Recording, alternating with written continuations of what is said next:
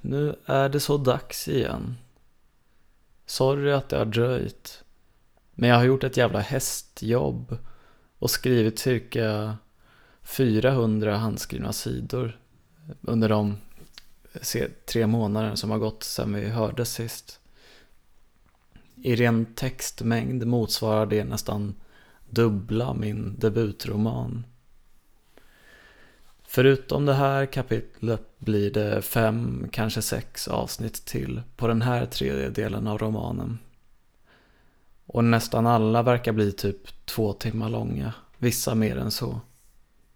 Det tycker jag inte någon har rätt att klaga på. Folk är för jävla bortskämda när de raljerar över att poddar är överdrivet långa. Aha, det finns ingen som tvingar dig att lyssna på hela i ett sjok. Jag hoppas ni haft en bra sommar hittills. Här får ni väl en liten sommarkaramell att suga på. Semesterlyssning i hängmattan. Alltså, jag är jävligt otålig. Jag skulle vilja få ut allt på en gång typ. Har väntat så jävla länge på att få dela det här med er alla. Men det är nog lika bra att det bara kommer en gång i veckan. Jag är inte riktigt klar än, trots att jag i princip jobbat heltid merparten av dagarna under de här två veckorna jag haft semester nu med, med att renskriva, redigera, spela in och klippa avsnitt. Men jag klagar inte. Det är underbart att vara ledig och ha något att göra verkligen. Ja, det var väl det jag hade att säga. Nu kör vi igång. Och vad bättre att sätta igång med en lite en hemmasnickrad jazzlåt för att verkligen komma i rätt stämning.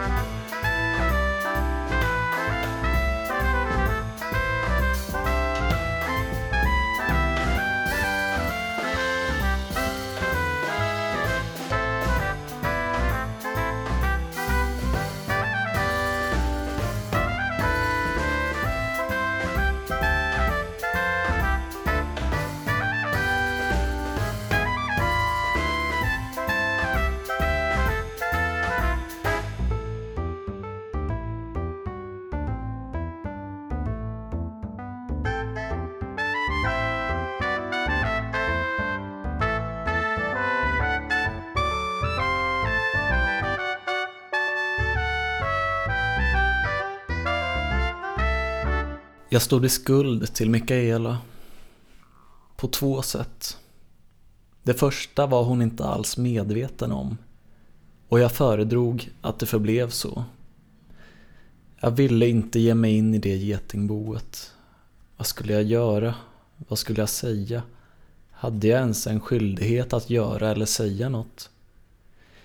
Vi var inte uppbundna av något kontrakt. Vi var bara två fria individer som njöt av varandras sällskap. Dessvärre hade den enas njutning en mer ”jag behöver dig” prägel än den andras. Men det var svårt att göra något åt saken. Och det är väl alltid så, mer eller mindre. Den enda totala känslomässiga jämvikten som går att få till i en relation är den ömsesidiga likgiltighet som infinner sig innan de två personerna har träffat varandra. Den andra skulden var mycket lättare att kvantifiera. Mikaela hade bjudit mig på restaurang och nu skulle jag bjuda henne på restaurang. I slutändan var det dock ännu ett försök att rentvå mitt samvete över den andra skulden. Jag kunde också visa framfötterna och komma med förslag. För det var verkligen inte att jag inte brydde mig. Jag både brydde mig om och tyckte om Mikaela jättemycket. Bara att jag hade haft oturen att träffa en annan person som jag tyckte om ännu mer. Det gick inte att förklara i ord för då hade jag säkert försagt mig och Även om jag inte hade gjort det hade det känts misstänkt att helt opåkallat brista ut i ett brandtal om hur mycket jag tyckte om henne Noga utstuderat för att inte nämna ordet känslor. Förra gången blev det vietnamesiskt. Så varför inte spela vidare på temat Ostasien och köra en japanare? Sushi, det var det enda jag åt ute om man inte räknade Donken. Norsi var fortfarande stängt för renovering så vitt jag visste. Men det fanns ett ställe vid Fridhemsplan som jag hade varit på en gång förut. Det var inte allt för dyrt och låg dessutom i anslutning till Gröna linjen. Så det var smidigt för oss båda två att eh, ta sig till. Jag var först att anlända vid Fridhemsplan. I vanlig ordning gick jag upp för fel uppgång och kände inte helt igen mig. Men eftersom jag hade delat post där i krokarna var jag säker på att jag kunde hitta dit ändå. Jag lärde mig aldrig. Hade väl någon rationalisering om att det var viktigt att inte förlita sig på kartor och GPS för att utveckla sitt lokalsinne, som jag drog för Mikaela sen. Men som vanligt handlade det nog främst om att jag var snål med batteriet. Jag insisterade på att betala. Det är inte mer än rättvist. Jag måste betala. Jag måste få sona för mina brott. Jag försökte dra ut på måltiden. Jag kan inte vara så rastlös att jag måste dra efter 20 minuter. Inte bara vänta på att Mikaela ska äta upp, då blir hon stressad. Men hon åt så långsamt. Alla kvinnor äter så jävla långsamt. De flesta män också. Eller så är det jag som äter snabbt. Som med min gång. Jag brukade inte vara sån. Jag brukade sitta kvar sist vid middagsbordet hemma. Få tvinga i mig det lilla sista. Min mage var både kräsen och liten. Samma med promenader. Mina ben var korta och jag gillade inte att vara ute och röra på mig. Därför gick det långsamt. Men någon gång insåg jag att det där var ett feltänk. Möjligen hängde det ihop med att mina ben blev längre och att jag själv förfogade över min utetid och inte i samma utsträckning tvingades ut på vallning. Jag lärde mig att det är bara en färdsträcka. Och jag lärde mig att minimera lidandet genom att snabbast ta mig från punkt A till punkt B. Samma med ätandet. Varför skulle resan vara målet? Målet är ju målet. Och en måltidsmål är ju att få i sig den måltiden. Det frustrerar mig när folk tar sin tid, andas, småpratar, tar en klunk. Poängen med att äta är just att äta. Och när man lärt sig det är man fullt utrustad för att börja äta lika snabbt som jag. Andas, prata, dricka. Allt det kan vi göra efteråt. Kan vi inte få det här överstökat bara så kan vi gå över till mer stimulerande aktiviteter. Vilka dessa aktiviteter nu skulle vara. För när jag tänker efter och drar mina resonemang till deras logiska slutsats är hela den vakna tiden av dygnet en färdsträcka till nästa sömnperiod. Och hela livet är en enda lång promenad mot döden. Varför inte bara ta sitt life när man ändå är i farten? Så slipper man dra ut på det.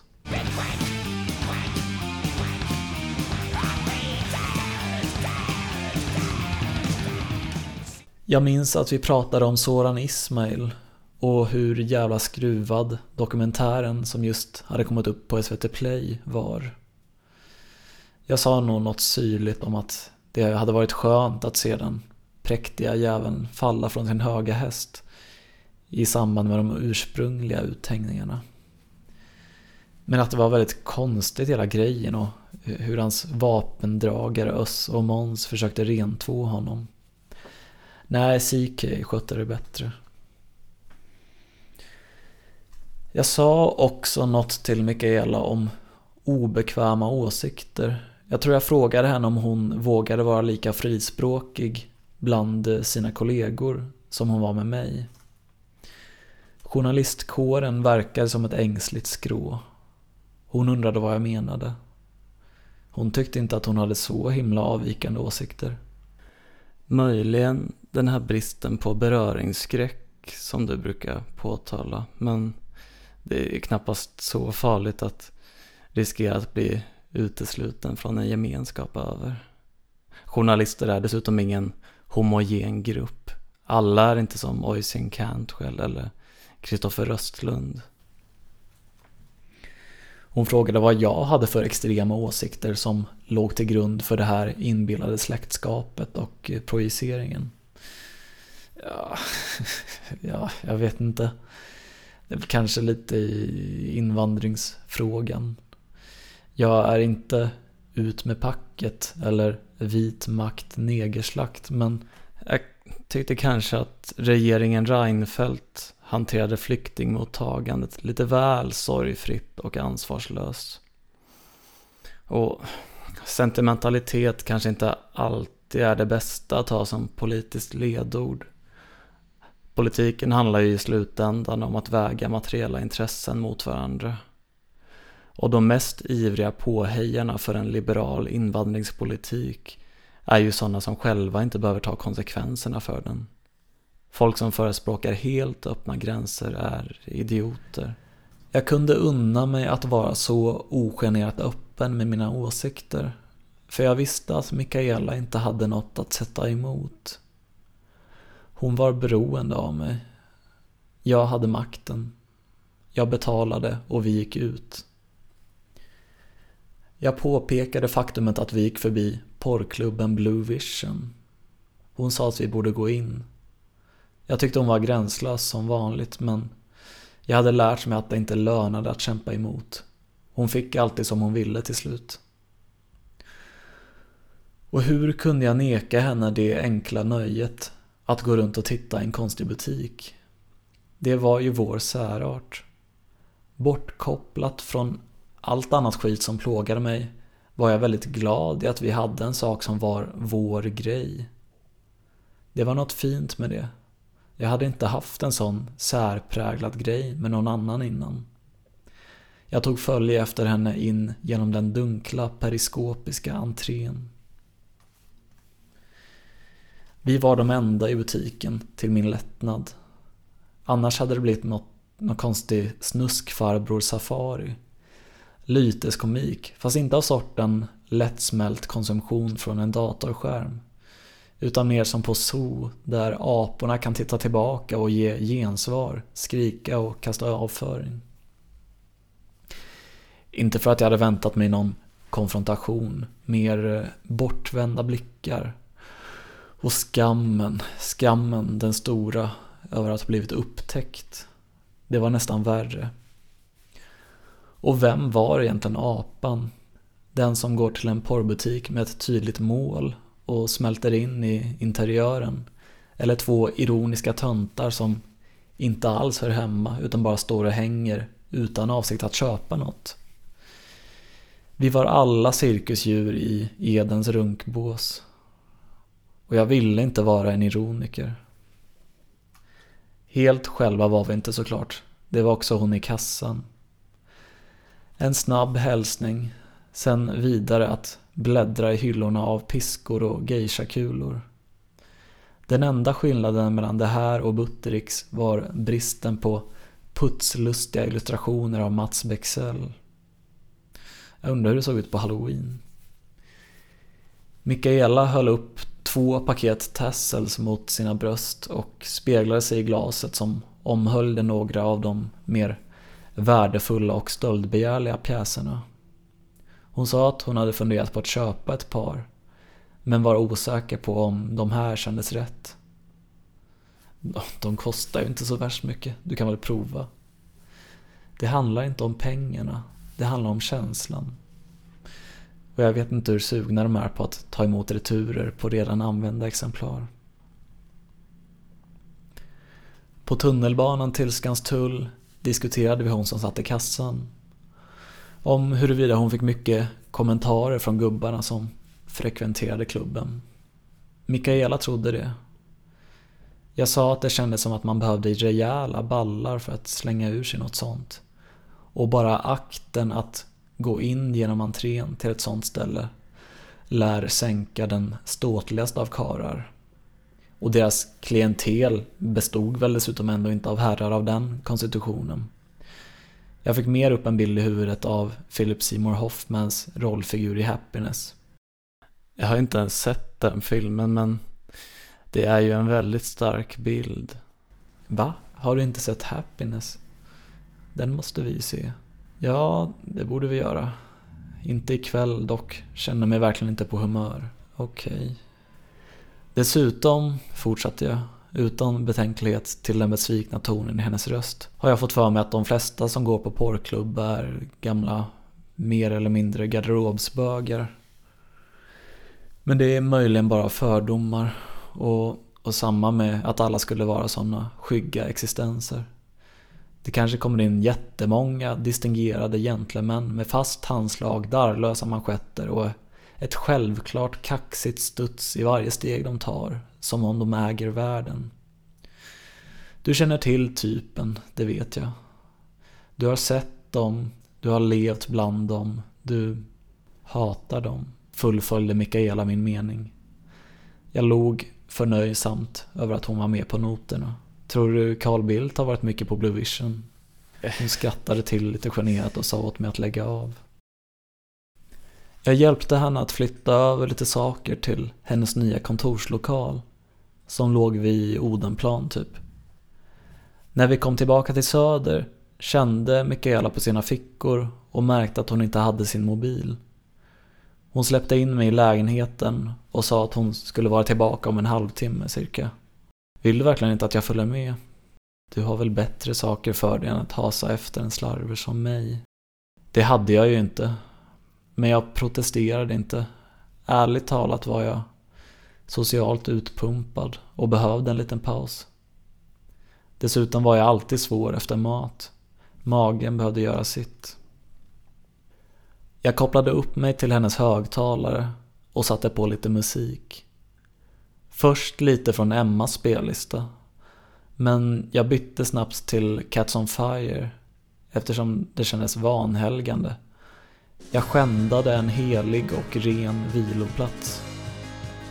Plockade fram en Carlsberg ur kylen och stod och dansade lite för mig själv. Förvånansvärt njutbart. Jag som inte gillar att dansa.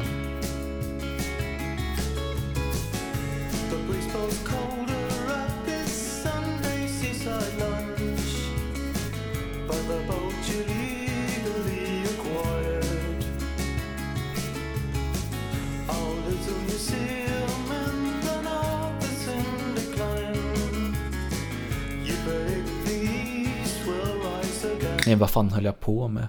Vad skulle det betyda? Stå och dansa för mig själv? Vad hade jag att dansa för? Varje framsteg var ett hugg i ryggen. Varje seger en andrahandsförlust. Jag hade ingen rätt att fira. Inte nu, inte här. Jag la mig ner på soffan och kvävde lusten att skicka något gulligt meddelande till Emma. Jag skrev istället till Mikaela och frågade om hon hade hittat mobilen. Hon svarade nästan direkt. Ja. Med en olycksbådande punkt efter. Bra. Hoppas du kommer snart. Jag börjar bli riktigt uttråkad. Hon svarade med en stor tumme upp. Hur mår du? Jag visste inte om jag ville veta svaret. Men jag stod inte ut med den kryptiska kommunikationen. Du kan gå om du vill. Du behöver inte låtsas för min skull. Jag skrev ganska omfattande att jag inte alls ville gå. Jag ville stanna och tillbringa kvällen med dig. Du sa att jag säkert har bättre saker för mig. Men det har jag verkligen inte, vill jag understryka. Jag vet inte vad du har för bild av mig eller bild av dig själv, men det finns inget jag hellre skulle göra ikväll, eller i natt heller för den delen, än att vara med dig. Okej. Ännu en punkt. Jag kommer om cirka en kvart. Jag skyndade mig ner till Willys för att köpa mer Carlsberg. Skuld över att jag hade tagit en av de enda tre som fanns kvar i kylen. Jag hade ingen nyckel så jag lämnade dörren olåst, men jag kunde ju portkoden utan och innan. Jag tog emot henne med en kram. Du sa ju att du inte ville se på film med mig. Hon verkade ledsen och upprörd. När sa jag det? På tunnelbanan. Så slog det mig och jag blev genast lättad. Men jag ville inte skratta bort hennes våndor. Jag visste hur det kändes. Jag förklarade ömt och pedagogiskt att jag gärna ser på film med dig, men inte just happiness. Jag känner mig inte i rätt sinnelag för den. Vad vill du se då? Egentligen kände jag inte att jag skulle vara den som valde. Jag hade gjort Mikaela ledsen och nu borde det vara hon som får som hon vill. Men jag hade kommit till punkten i redigerandet av en modern rocklåt där jag såg den franska filmen Den enda kärleken. Och i processen hade jag faktiskt tänkt att det här är just en sån film som Mikaela skulle gilla. Vill du se den? Vi kan se något annat om du vill. Men Mikaela nickade och torkade en tår från ena ögat. Franskt är alltid uppskattat i det här hushållet. Vi såg lite mer än halva. Sen sa Mikaela att hon var för trött och gick in i sovrummet. Jag kollade vidare i tio minuter och borstade sen tänderna och gick och la mig bredvid henne. Hon verkade faktiskt väldigt trött. Inget sex, men mycket kramar. Jag höll om Mikaela. Jag tycker ju om dig jättemycket. Det vet du väl? I've been pushing you away I know it's been going on for days Those awkward little things so endearing. Those awkward little things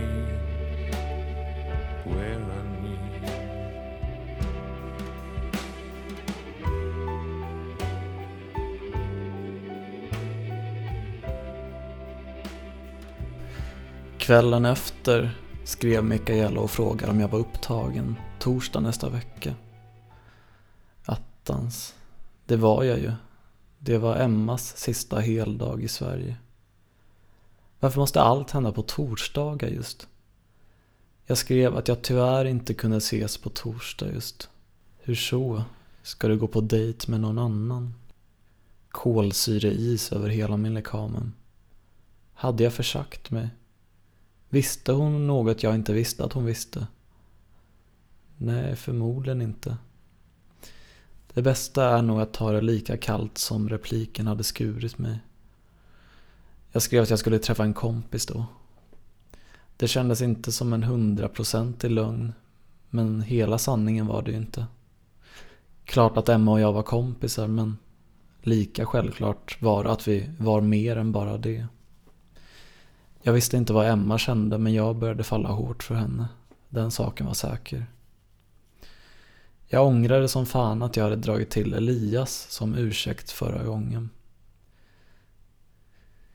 Jag kunde inte säga det igen. Varför skulle vi ha börjat umgås så mycket plötsligt? Hunden kan inte ha ätit upp dina läxor igen. Och dra inte det där om tandläkaren. Du var där för två veckor sedan. Det kändes misstänkt att vara så vag och skriva kompis bara.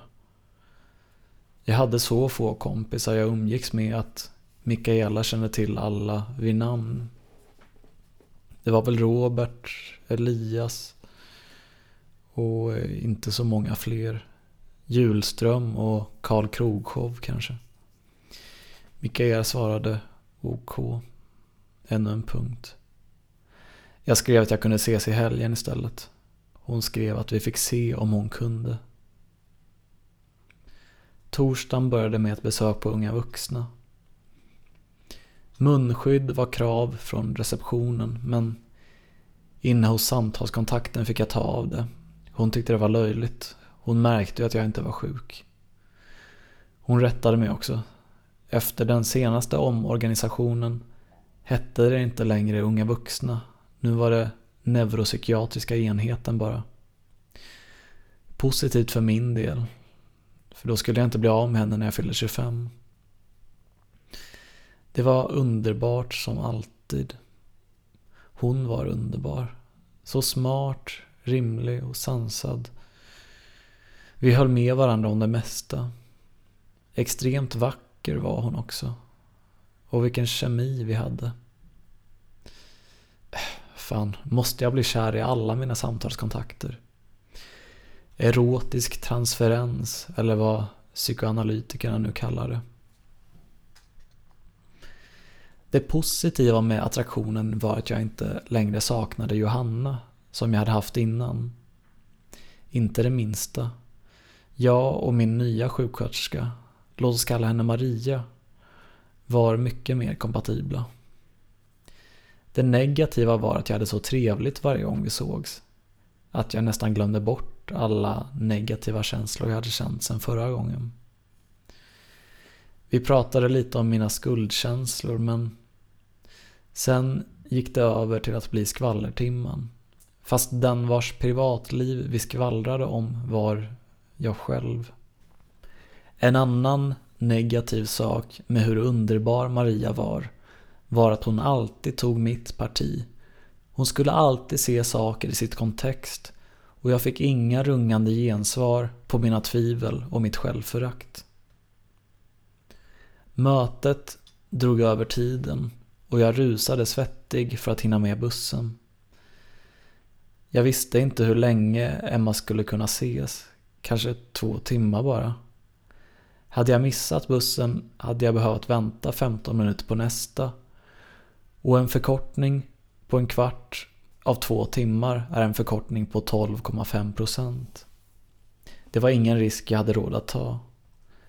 Tänk så mycket som kunde hända på en kvart. Både negativt, utan mig där kunde hon svepas i passionen av någon annan. Och positivt, med mig där kunde vi göra ett genombrott i relationen och bli något som inte gick att skratta bort.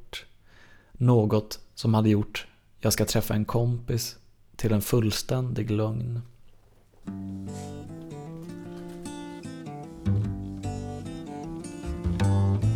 Summertime is with us once again.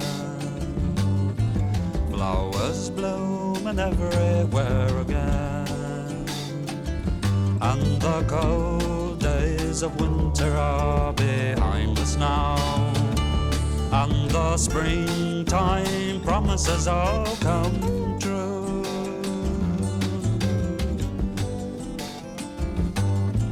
Trees and grass and bushes green again. The sky so blue I don't remember when. The cold days of winter took the sun away. But the springtime promises all came true. It's summertime now, so please don't throw it away.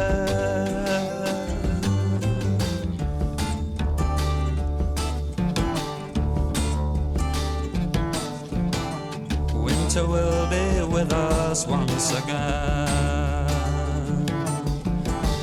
Flowers dying everywhere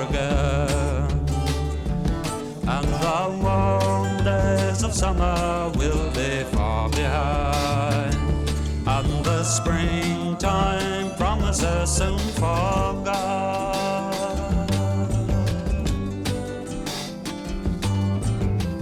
Grass and bushes are withered, and the trees are bare.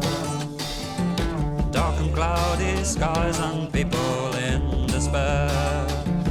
And the warm days of summer seem so far away. And the springtime promises still forgot. It's winter time, so you've gotta wait a while. For the springtime promises to come true. Now the newborn year is come once more. Gentle showers awake us as before promises are now made true, and the springtime sun returns anew.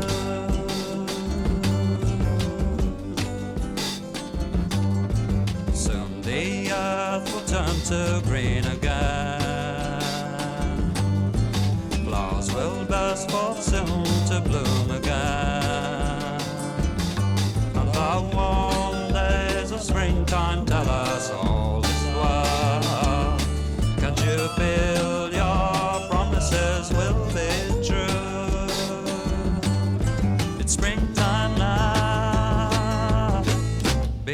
Be happy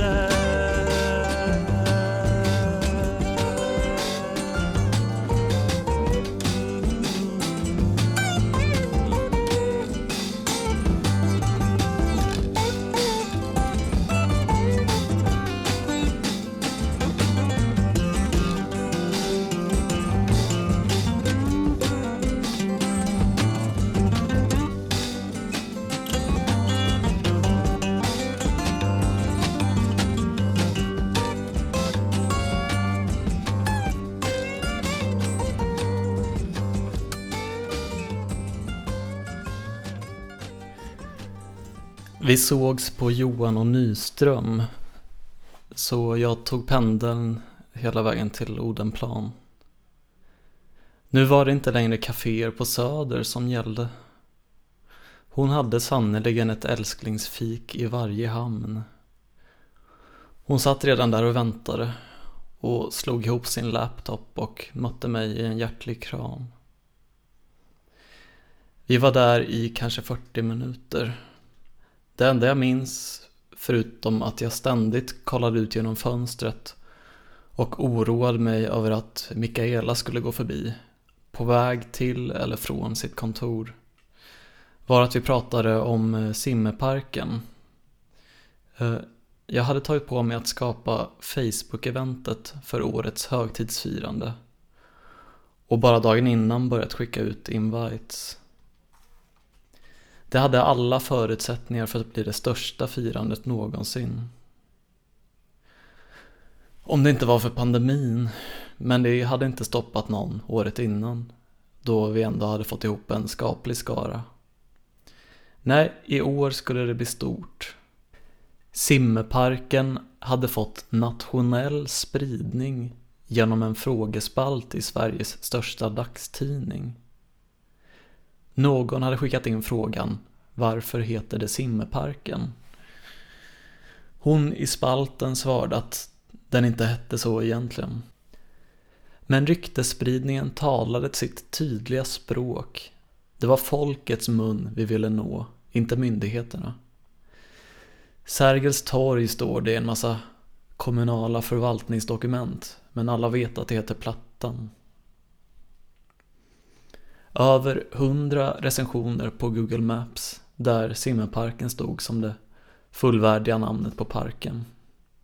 De flesta recensionerna var femstjärniga. Några flippiga jävlar som hade givit fyra eller tre stjärnor.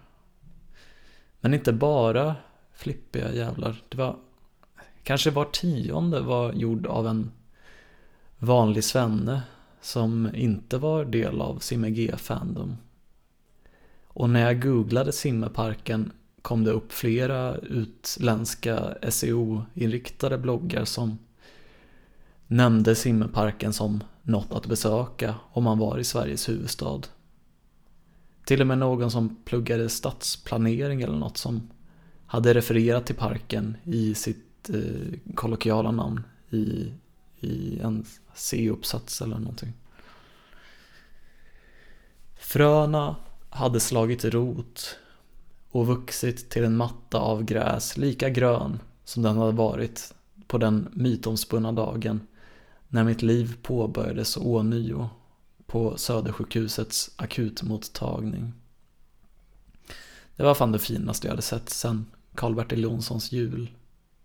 Tänk vad ett community kunde uppnå om det bara la manken till. Emma skulle tyvärr inte kunna komma till årets firande. Hon skulle till Sverige några veckor i maj och några veckor i juni också. Men det var mer kring midsommar. Lite tråkigt men samtidigt, vad fan hade hänt? Hon hade fått se mig i social interaktion med en grupp av andra människor. Mitt sociala värde i hennes ögon skulle störtdyka i realtid. Bättre att göra som jag föreslog. Kan jag inte få visa dig simmarparken nu istället? Vi är väl ändå färdiga här.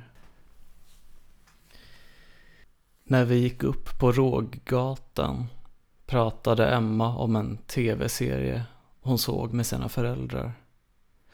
Den var bra, tyckte de alla tre. Men Emma reagerade på att det var så fasligt mycket rökning i den. Nästan i varje scen. Ja, kan du klandra dem från att skildra sånt? Det är ju dessvärre fruktansvärt coolt att röka. Ja, det är inte så trevligt med folk som luktar rök och inte heller särskilt tufft att ligga på dödsbädden i lungcancer. Nej, men det rent visuella intrycket går ju inte att ta miste på. Thin White Duke. Um, vad finns det för... Ja, ja, Thin White Duke. David Bowie är så cool att han väger upp för nästan allt. Nico, hon rökte väl säkert som en skorsten också. Ska se, kan vi gå upp här till Rågatan 14? Jag ska kolla om, kolla om eh, portkoden fortfarande funkar. Det gjorde den. Vi satte oss tillsammans på bänken. Jag hade suttit i 45 minuter och väntat på Niklas och Simon med. Med förväntan i blicken och Schweppes ginger ale i väskan. Nej, nej, vi satte oss nog på en annan bänk som inte var fördunklad av trädkronor och löv. Jag pekade ut platsen lärjungarna 13 hade samlats vid. Vi hade ju kunnat gå dit och kolla men det var ju egentligen inget att se och gräset var blött. Jag tänkte tillbaka på gången senast när jag gick dit själv från Stockholm södra och lyssnade på Vasas flora och fauna och tänkte på Jenny. Eller om det kanske var förra årets simmerpark då det regnade. Då var jag i och för sig inte så ensam, men hur som helst. Emma stod i bjärt kontrast mot allt det där och alla dem. Hon var en enhörning, så väsensskild och singulär. En sluten enhet, en bubbla där tid och rum inte verkade spela någon roll. Hon var inget vitt ark att projicera på eller deformera. Hon var en kraft att räkna med, hon var evig. Snarare en obestämd materia med glansig yta, där allt som speglades i den blev sitt bästa jag och till sin mest ideala form. Och all oro och sorg och tvivel bara rann av en och allt som speglades tycktes båda positiva framtidsvisioner om hoppfulla morgondagar i iteration på iteration när Limus går mot oändligheten. Det var en ganska grå och molnig aprildag och våren hade bara precis börjat. Men i Emmas lilla bubbla glänste gräset grönare än någonsin. Solen sken och allt stod i full blom. Jag hade aldrig sett en finare park.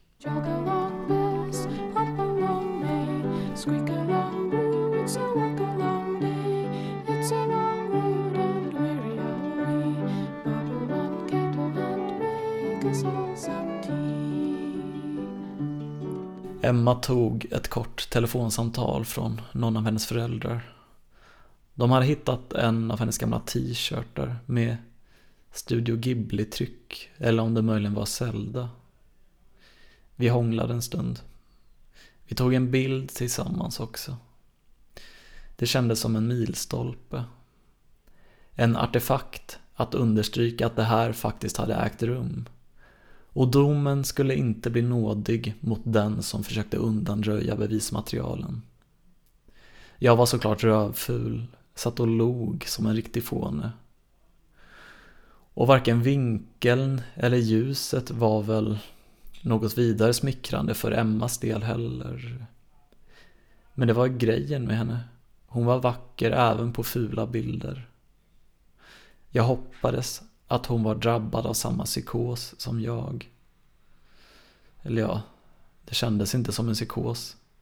Det var min verklighet och jag var förälskad. Vi gick mot Larrys Corner. Jag visste inte ens om det var öppet, men eh, jag höll tummarna. Det var länge sedan jag hade varit där. Och eh, ja, jag tänkte att det var lika bra att köra vidare på spåret att visa upp ställen jag höll varmt om hjärtat. Hon hade sina kaféer, jag hade det här. Jag berättade om kvällen då jag träffade Adam Svanell. Tänkte att Emma skulle tycka det var roligt. Så mycket som hon hade lyssnat på Slagsmålsklubben. Det tyckte hon också. Särskilt imponerad blev hon av att höra att Adam hade lyssnat på min podd. Vad jag inte väntade mig var att Emma skulle berätta att hon faktiskt sett honom på Tinder för någon vecka sedan. Utåt var jag lugn men invärtes drog det en isande köldknäpp. Jaha, sa jag förvånat. Blev det någon match? Men det jag menade var nu blev jag faktiskt väldigt sårad. Var, varför känner du att du behöver använda Tinder när du har mig? Jag vill inte att du använder appen överhuvudtaget. Men om du ändå gör det, varför i helvete berättar du det för mig? Du gör mig ledsen. Men utåt sett, hålla god min. Det var inte med Emmas avsikt att förgöra mig. Och vilken rätt hade jag att ställa krav? Vilken rätt hade jag att ärligt uttrycka mina känslor? Jag av alla personer. Ingen alls, såklart. Jag var fortfarande omtumlad när vi gick in på Larrys Corner. Så jag dök in i det smala sidorummet med böcker en stund för att samla mig. Emma fick småprata med Larry under tiden. Några minuter senare kom jag ut med två tjocka nummer av Det grymma svärdet som jag aldrig skulle läsa. Jag dövade min ångest med shopping som en riktig kvinna. Vi gick tillbaka mot Skanstull på en väg jag aldrig hade tagit förut. Helt plötsligt stod det en vacker träkyrka mitt i all betong. Som en liten glänta av skönhet. Jag letade efter en informationsplakett medan Emma kollade upp det, vad den hette, via Google Maps.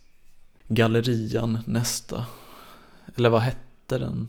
Det var inte Skrapan, men ändå nästan. I hörnet där, eh, Götgatan, Ringvägen. Vi beställde varsin cider på foodcourten. Jag läste ordet Timbuktu och googlade. Och se på fan, det var bananatrappen i egen högsta person som stod som initiativtagare till falaferian. Tanken var att ta Malmöfalafeln till Stockholm. Men utan att ta med något av det som gör falafeln där bra ur konsumentens perspektiv. Att ha papperslösa anställda för 45 kronor i timmen svart. Siden här kostade 70 spänn. Den som blandar in mest politik kan vara förvissad om ett pris och den som skriver musik kan äta skit. Ja, det är budskapen de sänder. När ni kastar guld på dvärgen från Lund med fula tänder. När vi satte oss bredvid varandra i Audiotorietrappan kom det genast personal som strängeligen berättade om förbudet. Jag hade inte påverkats så mycket av pandemin. Men här var det så illa att en grupp på två personer medförde för stor smittorisk. Visst, jag hade alltid varit motståndare mot att eh, umgås i grupp. Men det där var lite väl radikalt. En perverterad version av min ideologi. Restriktionerna slog hårdast mot sådana som mig, vi unga och kära. Vi hittade en lösning. Vi satt på varsin sida trappen. Och fick prata lite högre bara, men det var inget problem. Det var inga andra där. Emma satte sin mobil på laddning och fortsatte måla tavlan av uppbrottet, smärtan. De hade ju varit förlovade. Det var inte bara det att tvingas komma med det dystra beskedet till alla. Att det inte blev något giftermål. Jag kunde bara föreställa mig. Jag hade ju inte ens haft ett vanligt förhållande med någon. Nej, det var, det var inte bara det, utan det var också alla som inte hörde av sig. Personer som hon trodde var nära vänner som plötsligt låtsades som att hon inte fanns. Det var inte bara hennes bättre hälft som hade försvunnit. Egentligen hade långt över halva hennes liv skurits av med trubbig kniv. Som lämnade många sår som inte syntes utanpå. Och som i brist på vädring aldrig tycktes läka helt. Det fortsatte i mörkrets tecken när Emma berättade att hon hade haft, inte en, utan två riktiga stalkers. Alltså inte folk som likar riktigt gamla inlägg på Facebook och bilder på Instagram, utan old school. Vänta utanför hennes bostad på morgonen, ringa upp och flåsa mitt i natten och stå och stirra in genom hennes fönster. Hon sa att hon hade funderat på allvar på att byta namn men att det fick räcka med att ha täcknamn på sociala medier.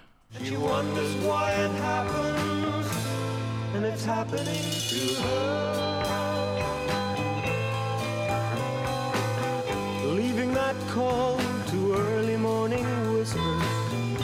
against her ears as she opens the door. Walking straight towards her home, knowing she can't make it anymore.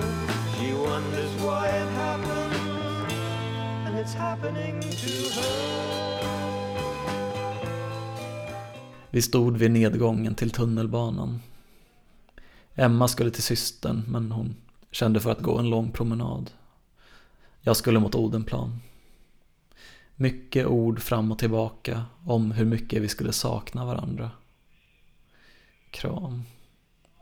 Jag var lite orolig efter snacket om Tinder tidigare. Så jag bekände att jag hoppades på en puss. Såklart, svarade Emma och gav mig en ordentlig kyss. Allt var bra igen. Hej då. Visst var det tråkigt att ta farväl igen. Men eh, nästan mer än sorg kände jag hur mycket jag såg fram emot att ses nästa gång. Jag hade ju ett typ bestämt datum om en månad. Tänk vad mycket som hade hänt under de senaste veckorna bara. Jag kunde knappt föreställa mig vad som kunde hända under hennes nästa visit. Jag hoppades att sakerna skulle gå min väg. Only love can live in my dream. I'll wish and the thunderclouds will vanish. Wish and the storm will fade away. Wish again, stand before me while the sky will paint an overture and trees will play the rhythm of my dream. När jag kom hem fick jag en signal från Elias och tog blåa linjen till Västra skogen.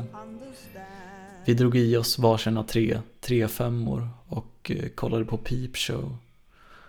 Och så hittade vi ett verktyg för att extrahera 3D-data från Google Earth som vi använde för att få ut 3D-modeller av byggnaderna kring, kring Västra skogens tunnelbana. På vägen hem minns jag att jag kände, se, jag ljög inte alls. Som ett genombrott i en domstolssåpa. En osynlig hand från Gud lägger ner ett bevis i knät på den åklagade som till synes hade noll chans till upprättelse.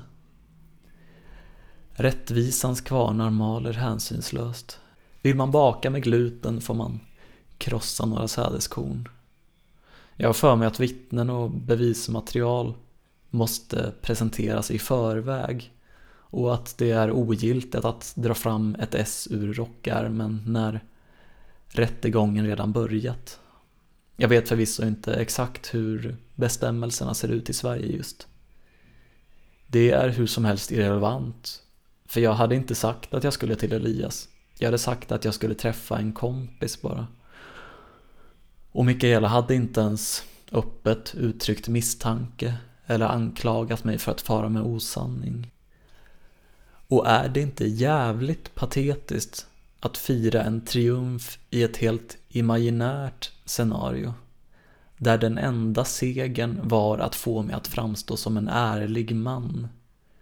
När jag visste att jag egentligen medvetet hade fört henne bakom ljuset. Bara att lögnen retroaktivt visat sig vara sann. Fy skäms på sig Love, det luktar inte Juholt direkt. På fredagen åkte jag in till serieteket för att låna två böcker. Mike Diana-samlingen America Live Die och Daniel Klaus surrealistiska noir Like a Velvet Glove Cast in Iron. Tänk er Blue Velvet korsad med Naked Lunch i serieromanform. Fast ganska lättsam ändå. Men Jag har varken sett Cronenberg-adaptionen av Naked Lunch eller läst boken. Den kanske är lättsam i tonen. Kanske kan man säga räddades nu ännu en av mina lögner i efterhand av ren slump. Jag var svag för serieromanen i alla fall. Vad hände med det där förresten? Så ambitiöst berättad, så dramaturgiskt spikad och så skruvad. Det känns som att det låg i luften bland de kanadensiska och amerikanska alternativserieskaparna där sent 80, tidigt 90. Det surrealistiska tilltalet. Görs det serier idag i samma anda? Ingen aning. Jag har inte läst en serieroman på flera år. Folk sa att det var en väldigt fläckig och oslipad Klaus och att man bara såg glimtar av den storhet han skulle uppnå i exempelvis Ghost World. Jag höll med om premissen, men inte slutsatsen. Det var rå, ofiltrerad talang. Och det är ofta sådana verk som är mest intressanta. Lite som att alla älskade en modern rocklåt så mycket, men ingen bryr sig om det jag gör nu. Det var inte bara därför jag åkte dit. Jag vet faktiskt inte varför jag lånade böckerna. Det var inte som att jag läste dem. Palla slita ner ligament i fingrarna med att sitta och hålla upp alla tättbundna sidor. Jag lät dem bara ligga på mitt rum tills sista dagen. Sen fick jag veta att man kunde förlänga lånet digitalt, så då gjorde jag det istället för att lämna tillbaka. Kanske gjorde jag lånet för att imponera på bibliotekarien som satt i disken med min förfinade smak. Hon var rätt söt, men framförallt var hon en lyssnare av podden. Och vi hade hörts lite på Instagram. Jag tog varje chans till en positiv egoinjektion. På kvällen åkte jag till Mikaela och nu var det verkligen hennes tur att välja underhållning. Eftersom jag tidigare hade velat att vi skulle se Peep Show valde hon nu Curb Your Enthusiasm. Simma lugnt, Larry. Vilken mardröm. Men det skulle nog gå om hon var där och höll mig i handen. Som att bli övertalad att åka den läskigaste attraktionen på en godtycklig nöjespark. Efteråt var man ändå glad över att ha gjort det. Var stundtals väldigt smärtsamt. Precis som jag hade föreställt mig. Jag minns specifikt ett avsnitt där Larry och hans fru var på en eh, konstig middagsbjudning hos, jag får det var typ en före detta porrskådis. Där Larry skapade väldigt dålig stämning. Och efter att de dramatiskt hade lämnat tillställningen var de tvungna att åka tillbaka igen eftersom frugan hade glömt något viktigt. Mikaela berömde mig för mitt mod och jag belönades med eh, sex. Jag var lättad när vi låg och myste efteråt. Det kändes som att saker var lite bättre igen nu när det inte fanns någon ekonomidoktorand till förförerska i stan och störde husfriden. Mikaela sa att hon var väldigt glad att jag ville utsätta mig för andrahandsskammen och ge det en chans med henne. Nej, sa jag. Det är jag som, som är glad för att du pushade mig. Tillsammans kan vi utföra stordåd. Jag ska börja på tacktalet redan imorgon. Mikaela sa att för att vara allvarlig en stund så hade hon, sedan hon lärt känna mig, gått runt i tankar på att göra en artikel om mig. Något slags personporträtt om den mytomspunna milfkingen och hans författeri och levnadsvanor. Med en längre intervju och professionella bilder och allting. Hon kände bara att hon ville pitcha in det till någon av de publikationerna hon skrev för och få tummen upp innan hon satte igång med arbetet. Men hon tog upp det med mig för att fråga om jag skulle vara intresserad. Självklart, svarade jag och gav henne en kyss. Vi får prata mer om det någon annan dag. Nu är jag för trött för att tänka.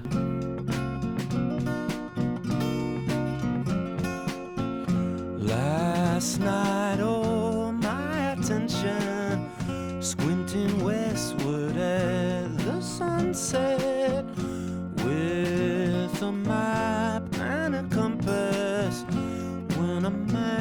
man up, said something there against the sky, a point of light.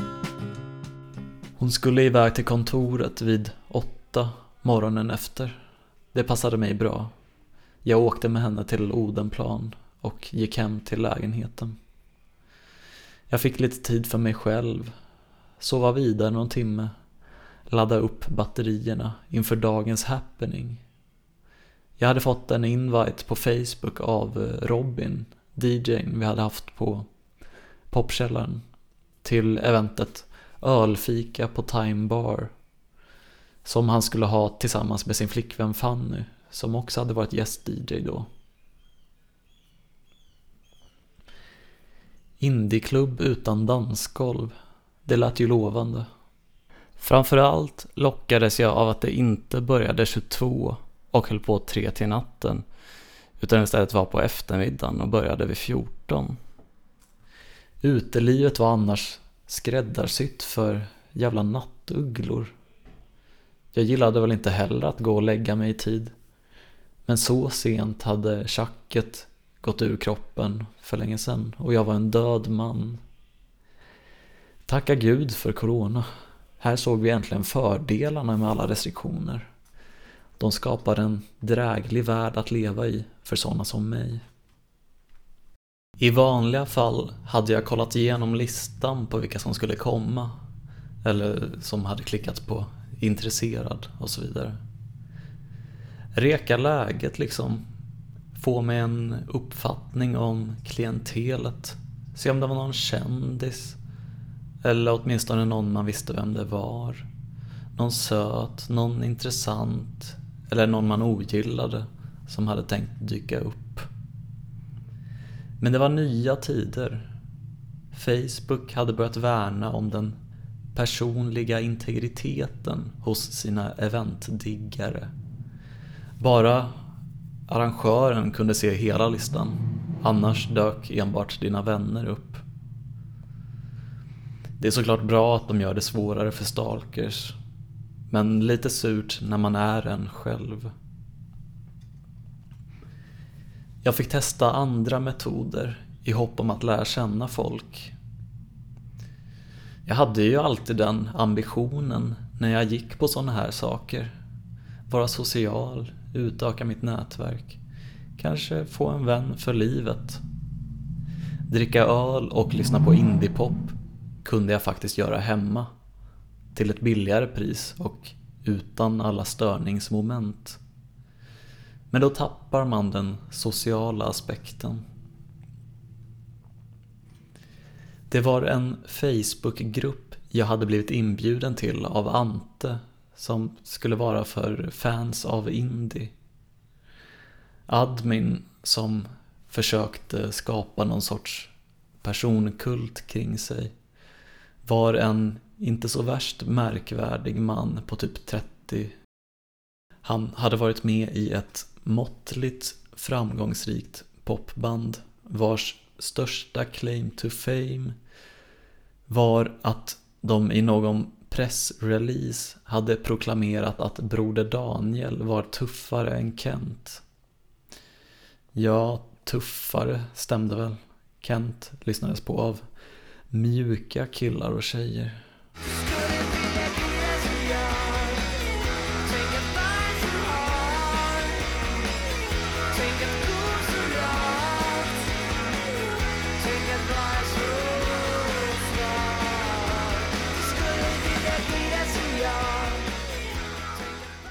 Men det ändrade inte på faktumet att Broder Daniel var ett tråkigt band, att Shoreline var en dålig låt och att det var en fånig sak att gå ut i media och säga.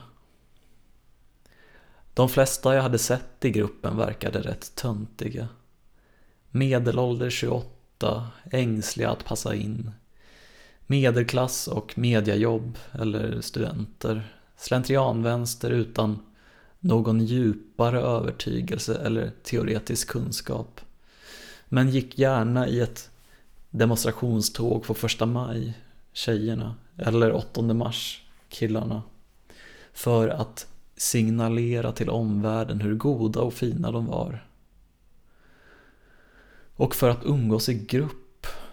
Det var därför de var med i Facebookgruppen. De gillade att umgås i grupp. Ett för mig helt obegripligt beteendemönster. Men jag försökte hålla ett öppet sinne. Jag var ju i en lycklig period nu. Åtminstone mer, merparten av tiden. Det fanns ingen anledning att sträva mot förbittring. Snarare mot förbättring. Det var en medelstor gymnasieskola. Klart att jag inte tyckte om de som syntes, de 30 som syntes och hördes mest. De var ju jocks, kände ett ständigt behov av att hävda sig själva och appellerade till en så bred målgrupp som möjligt i sitt varumärkesbyggande. De var mainstream, ironiskt nog, radiopop i en indiegrupp. Man hittade alltid guldkornen bland bottenskrapet. Och det var en ganska stor silent majority i en grupp som försökte hålla medlemsantalet på prick tusen. Jag gjorde ett inlägg där jag delade evenemanget och taggade in Fanny och Robin som båda var med i gruppen. Några likes och ett par kommentarer. Främst från en som vi kan kalla Paul Pollock. Jag hade sett honom dyka upp i ett gäng kommentarsfält genom åren. Så han var namnkunnig i min värld, främst genom sin stora umgängeskrets. Bra på nätverkande, skulle man kunna säga. Han skrev i alla fall att han skulle komma. Och jag har för mig att någon annan också uttryckte intresse. När jag kom fram till Time Bar var det helt tomt. De verkade precis ha öppnat. Jag tog en öl och satte mig och skrev till Robin. Vad falls. Skulle det inte börja vid två? Nej, fyra. Jag kommer vara där 20 över tre. Men kommer behöva sitta med utrustningen och kolla ljudet och så vidare. Men vad fan, stod det inte 14 på Facebook? Jag dubbelkollade och jag hade rätt. Men just ja, vad dum jag är den gyllene regeln för Facebook-evenemang. Det börjar inte förrän en timme efter angiven tid. För att kompensera för de 80% som kommer klädsamt sent. Jag som hade oroat mig för att jag inte var där prick när visaren slog över. Jag hällde ner ölen fort. För det spelades olidligt hög musik på stället. Som verkligen inte var indie utan Snarare vad jag skulle kalla turkdisco. Jag gick några varv runt kvarteret. Lyssnade på en skiva av bandet Testbild. Som jag inte hade haft någon relation till riktigt. Förutom att jag visste att de hade gjort musik till Henrik Möllers filmer. Men skivan Barrikad var skitbra. Avancerad, småjazzig barockpop. Det var liksom inget runkeri som typ vissa Frank Zappa-grejer. Komplexiteten låg i kompositionen. Det lät inte som pop brukar låta och det var sådana saker jag gillade. Jag satte mig ner på en bänk och kollade ut över vattnet. Bländande sol. Plockade fram ett par brillor som var riktigt gamla i gemet. Rosa plastbågar. EF Education First stod i vit text på sidan. De var från min språkresa till Brighton sommaren 2015. Jag skrev lite med André. Han hade tipsat om en låt från en gammal brittisk skådis som hade gjort en psykpopskiva på 60-talet. Standing in my eyes, you always the reason. But I knew I couldn't keep you for good, and I'm not even sure that I should.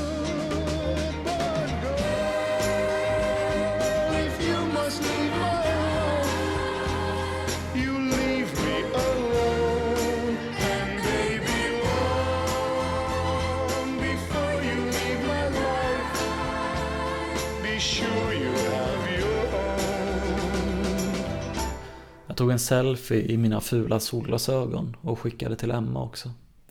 Hon skrev att jag var jättesöt. Jag reagerade med ett hjärta och tänkte, är hon dum i huvudet? Jag gick tillbaka till baren, köpte en öl och satte mig på uteserveringen. Det hade börjat komma lite folk i alla fall. I brist på annat att göra plockade jag fram anteckningsblocket. Efter ett tag knackade någon mig på axeln. Det var inget ansikte jag kände igen. Äntligen! Någon ville prata med mig. Kanske bjuda in mig till deras bord. Jag skulle få känna mig märkvärdig för mitt skrivande. Om inte det, så i alla fall utvald. De hade sett att han där ser lite ensam ut. Men vet ni, jag slår vad om att han har något att komma med. Gott om vackra kvinnor var det också. Nog för att mitt hjärta svävade på annan ort, men eh, uppmärksamhet från sånt håll hade bekräftat att jag var något. Att jag inte var osynlig. Jag tog av mig hörlurarna. Mannen frågade om han kunde ta stolen bredvid. De fick inte plats annars.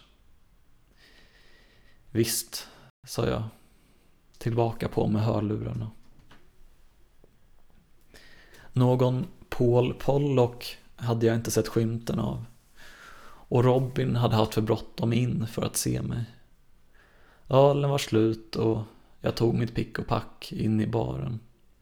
Jag såg att det fanns en övervåning som var föredömligt tom på folk.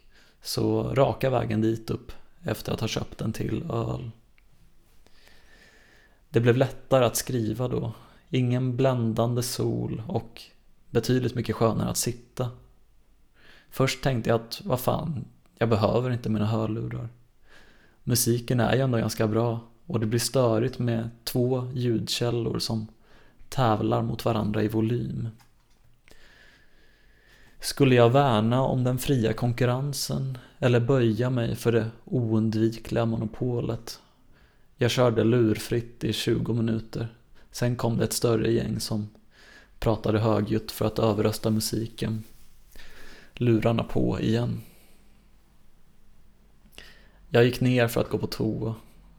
Lämnade alla saker där uppe för att hålla platsen åt mig. Inga betänkligheter över att någon kunde hitta blocket och börja läsa. Det skulle ju ändå gå ut i podd till allmänt åtnjutande. En annan sak om någon hade spilt öl över det, men det var nog ingen större risk. Hade jag varit så nojig hade jag inte lämnat mina lurar där uppe. Men det var fortfarande gott om plats där och eh, ja, folk var aldrig särskilt intresserade av mina saker. De var lika osynliga som jag. Folk tänkte mest på sig själva och sitt. Jag kom ner för trappen mitt i en toakö. De andra stod bortvända men dörren till toan öppnades och en av kvinnorna i kön stötte in i mig när hon vände sig om.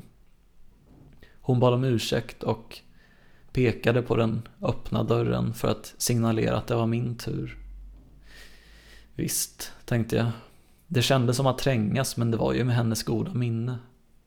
Och de andra i kön verkade för upptagna i sina samtal för att orka bry sig. Hon hann ropa “snygg keps” åt mig innan jag stängde och låste dörren. Jag fattade inte varför folk höll på sådär. Kom att tänka på en gång när jag i kön till Gröna Lund för att gå på någon konsert eh, fick höra “snyggt paraply” från en brillbeklädd vältränad kille i ett odrägligt gäng på tre. Paraplyet är rosa, jag är bög, jag fattar, haha. Jag slank generat förbi kvinnan när jag var färdig, bort mot baren. Det var möjligt att hon bara ville vara snäll och inte retas. Men det är ju omöjligt att veta. Jag hade ingen lust att bli utskrattad i ett skolgårdsdriv. Haha, trodde du jag menade allvar eller? Jag pratade någon minut med Fanny som också beställde öl. Jag sa att jag skulle komma ner igen om en stund. Fanny gick bort till Olga, den snygga tjejen som hade varit DJ på Debaser Strand ett år tidigare.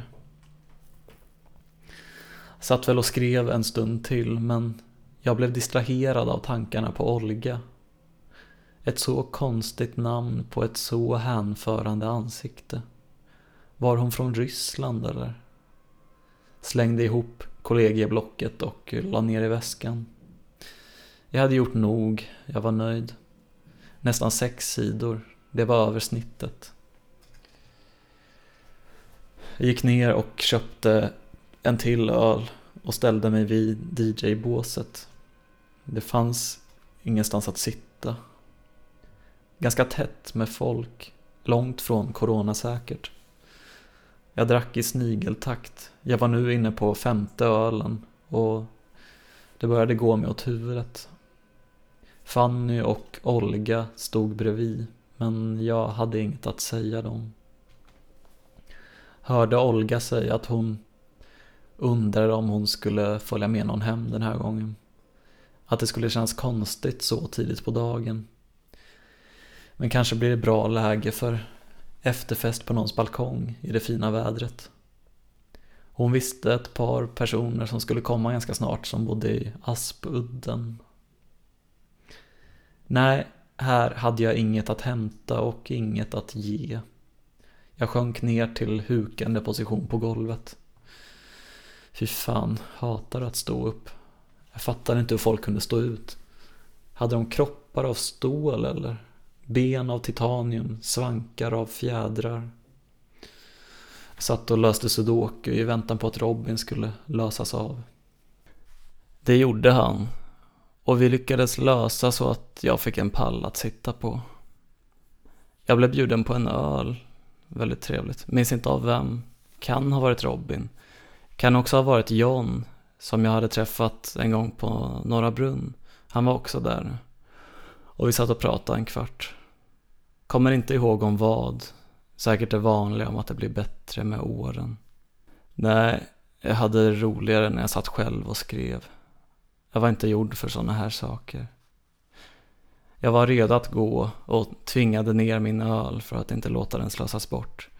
Drack lite slattar av folk som hade gått också, för gamla tiders skull. Och begav mig hem. Jag var påtagligt packad. I snö ibland om en natt försvann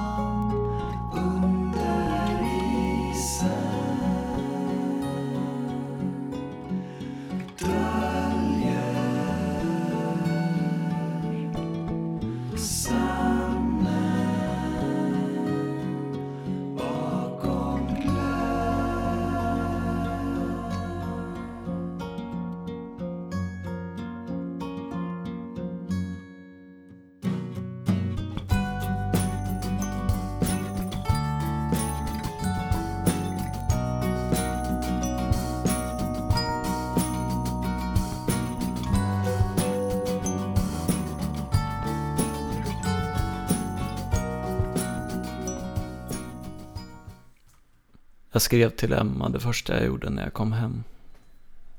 Fy, det var länge sedan jag var så här fylletrött. Jag har druckit fem öl mellan klockan 14 och nu. Jag önskar att du var här för det hade matchat ganska bra med din dygnsrytm. Då hade vi kunnat kura ihop oss i en säng och bara ligga och kramas och vara trötta tillsammans. Ja, kram. Jag tog en tupplur vid 16.30. Är rätt pigg nu. Ser man på. Jag önskar att jag var pigg så man kunde prata. Få se hur jag känner mig om en timme. Vad gör du? Hon hade varit och köpt enorma mängder te. Hon hade slut på alla goda sorter hemma. Och skrev att hon dricker ju inget annat än te och öl. Jag tog en bild av en sida i anteckningsblocket och skickade. Emma skrev, du skriver så fint. Vilket var exakt vad jag ville höra. Jag var tvungen att avbryta min löptur efter fem kilometer. Höll på att spy. Mår helt otroligt illa. Blir en lugn promenad hem nu. Oj, det låter jobbigt. Men jag känner igen det där med att springa eller jogga och känna att man vill spy. Det bekräftar varför min dag blev seg. Jag får så dagen innan mens. Jaha. En gång sprang jag en tävling och spydde på mållinjen. Jag frågade om det fanns något antiemetiskt hon kunde köpa och ta. Jag var lite osäker på om jag stavade rätt. Vad är det? Emeti är väl åksjuka eller ja, känslan att vilja kräkas. Jaha. Jag borde inte druckit så mycket te. Jag kan säga detsamma om öl. Vi mår nog snart bättre båda två. Jag hoppas det. Jag trodde att saken skulle börja 14, men det började egentligen 16. Så jag kom dit och tog en öl. Sen fick jag reda på hur det var. Sen gick jag en promenad och kom tillbaka och satt och skrev och beställde några öl. Till sist satt jag i ett gäng och innan det stängde blev jag bjuden på en öl. Vilken jag såklart inte ville slösa bort så den halsade jag innan jag gick hem. Åh, vad mysigt.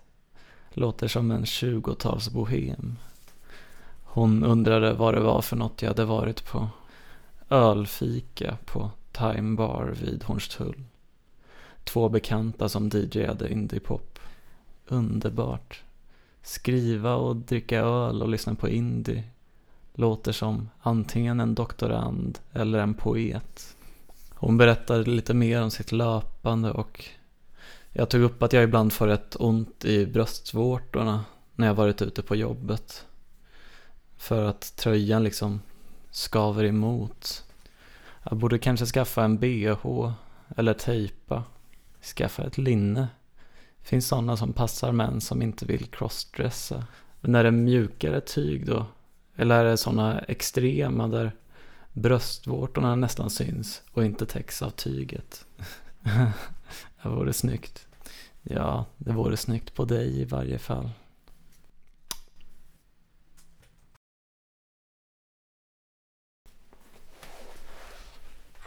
På morgonen nästa dag frågade jag om, om Emma hade fått mensen än. Mm, nej, kanske kommer under dagen. Allt pekar på snart i alla fall. Mm. Jag har just lyssnat igenom ett avsnitt av eh, när Robert och Lampinen hade tagit över Magister och, och de hade med Katarina Janouch som gäst. De satt i hennes bil när de, hon åkte runt en varm sommardag på Söder och pratade med henne om sina sexuella neuroser. Extremt jävla bra.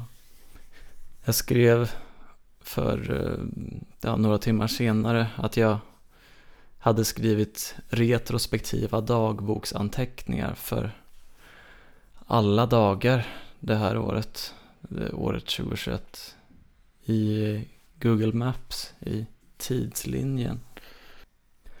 Det finns ju en sån flik, eller vad man ska säga, på Google Maps. Där man kan se var, alltså GPS-statistik och sånt, var man har befunnit sig på olika dagar. Och eh, det fanns även en, eh, en liten ruta där man kan göra anteckningar på mobilen. Av någon anledning inte på datorn eller online. Men jag skickade några skärmbilder med, med anteckningarna jag hade gjort för olika dagar. 11 januari 2021 skrev jag det här. Det var väldigt slaskigt. Gick in och spelade in podd hos Simon Gärdenfors. Fick inte tag på snus i tid. Men det var trevligt. Tog en bild och skickade till Emma när jag hade kommit hem. Men hon misstolkade det och trodde att jag fortfarande var där. Så hon bad mig hälsa till Simon. Jag ljög och sa att jag skulle göra det. Sen skrev vi med varandra rätt utförligt för första gången. Emma skrev att hon kände sig hedrad att, att vara en del av mina anteckningar på mobilen. Jag gjorde inte så mycket den dagen. Jag var eller hemma och tog det lugnt bara. När jag var på Ica så fick jag syn på hyllan med proteinpulver. Jag hade delvis fått bukt på viktproblemet. Eh, I alla fall så att de slutade klaga i sjukvården. Genom att komplettera min kost med en påse chips varannan dag. Men jag fick fortfarande alltid ont i kroppen efter jobbet.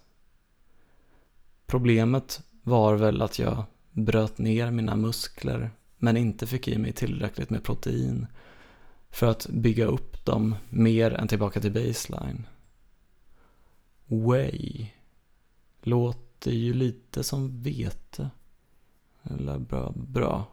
Jordgubbssmak. 80 på förpackningen. Vilket jag inte hade någon aning om vad det betydde. Men det lät ju högt och bra. Jag tror det stod något om 20 eller 30 portioner också. Kostade 200 kronor eller om det var mer än så till och med. Men om jag bara tog det de dagar jag hade jobbat så skulle det räcka hur länge som helst. På tisdagen den 20 april hade jag ledigt och fick ändan ur för att införskaffa mig en av där proteinshaker. Vad fan man nu köpte sådana. Säkert gymgrossisten. Men låg det någon sån i innerstan? Kändes mer som...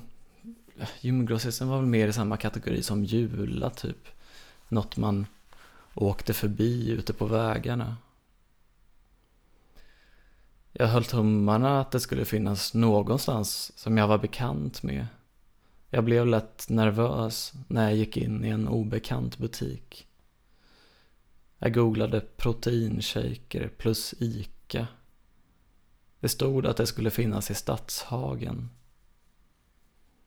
Som jag minns det låg det på gröna linjen någonstans förbi Fridhemsplan. Så det var inte allt för långt borta. Jag hade aldrig varit där, men det ringde bekant en gång hade jag varit på anställningsintervju för ett jobb inom IT-support. Själva intervjun hölls hos Almega i Sollentuna eller om det var Sundbyberg. Men kontoret man skulle jobba på sen låg i Stadshagen. Jag fick inte jobbet.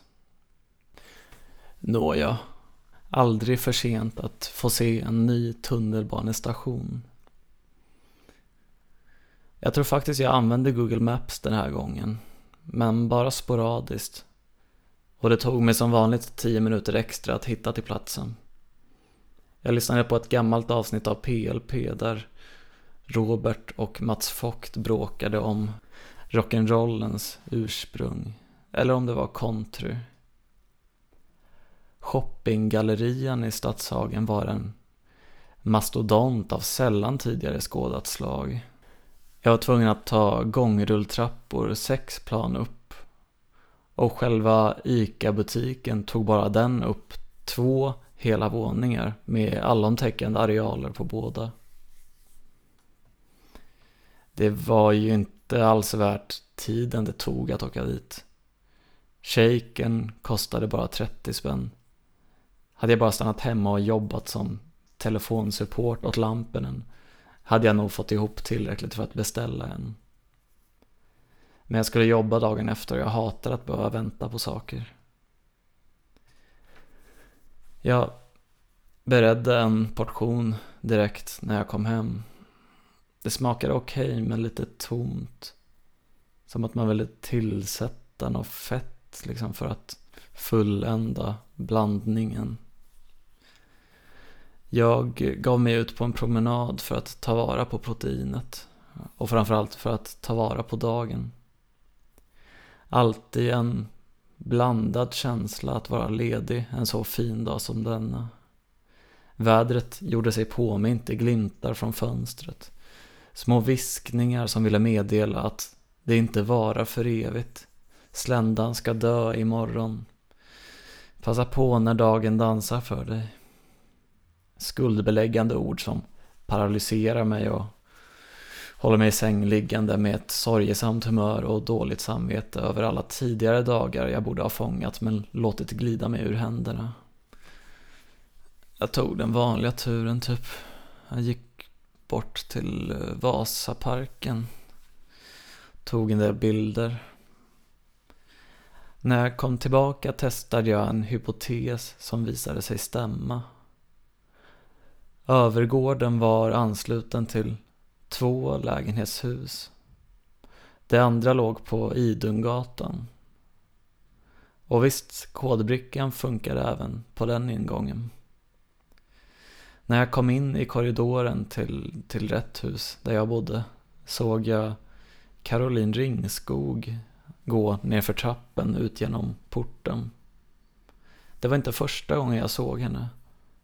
Hennes namn stod inte på någon dörr men hon jag bodde hos hade nämnt att CRFN bodde bakom dörren mitt emot. Men bara tillfälligt när hennes vanliga lägenhet renoverades. Jag hade funderat de gångerna jag såg henne om jag skulle säga hej. Att jag lyssnade på En varg söker sin podd. Kanske att jag också var en skrivande människa. Men jag satt ner foten för det. Det kändes lite väl gränslöst. Okej, okay, att stanna någon på gatan var väl lite störigt, men att stanna någon precis där de bodde och berätta att man visste vem de var och hade hört deras röst i många timmar och att man själv visste var de bodde. Obehagligt värre. Det var, ja, jag var en sån fin människa. Att jag inte hade sagt hej till henne handlade såklart bara om det och inte, inte på grund av blygsel eller något sådant töntigt. På kvällen skickade Emma en, en bild av hennes middag som var någon slags sallad med lite gurka, tomater, groddar, bön, skälkar, eh, bladspenat och svamp. Inga proteiner alls i min middag, skrev hon eftersom ja, jag hade tagit upp det här med proteinshaken och det. Jag, eh, jag berättade henne såklart det första jag gjorde. Hon skrev inga proteiner alls. Jag skickade en skärmbild på googlingen svamp, protein. 3,1 gram protein per 100 gram. Jävla skit. Jättemycket protein. Gurka visar sig väl snart förråda mig också. Du är så sjukt snygg, så det är gurkans förlust i så fall. Mm. Alltså verkligen, det är helt otroligt. Vad gör du? Jag tittar på Succession. Du är en sån charmör. Och äter vindruvor. Vad gör du? Jag säger bara det jag tycker. Nej, jag har lite ont i magen för jag, jag såg, jag, det här proteingrejen eh, uh, Way, jag läste det som att det hade något med vete att göra. Nej, det var vassle. Eh, någon jävla mjölkprodukt. Så då började magen klaga direkt. Eh, Nu har jag faktiskt bäddat ner mig och ska vänta på besök från en gammal vän vid namn John Blund. Men han är tyvärr inte så pålitlig alltid, så jag vet inte om han kommer i tid. Jag är också nerbäddad.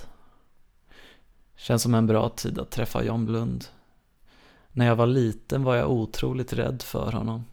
Pappa hotade alltid att ringa John Blund om min syster vägrade gå och lägga sig. Tydligen försökte syrran syna pappas bluff. Men då ringde pappa till fröken Ur och syrran hörde att någon pratade i andra änden och blev också rädd. Vilket jävla geni. Roligt att han just skulle ringa John Blund. Jag får fortfarande kalla kårar. Jag stängde ögonen och gjorde mitt allra bästa för att inte tänka på det där med Tinder igen. Du vet väl bäst hur han ser ut, för det vet inte jag. Såna saker där det krävs ett annat andetag,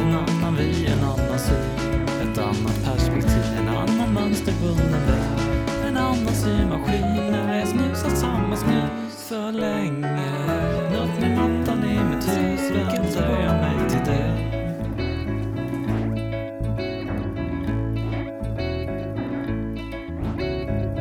Du vet väl bäst om jag är snygg Men säger ingenting. Det är som svaret på ett prov Det är en valfri övning Det är det galt med klara svar För mig att be om att strö socker i dina Vackra ord i silverskor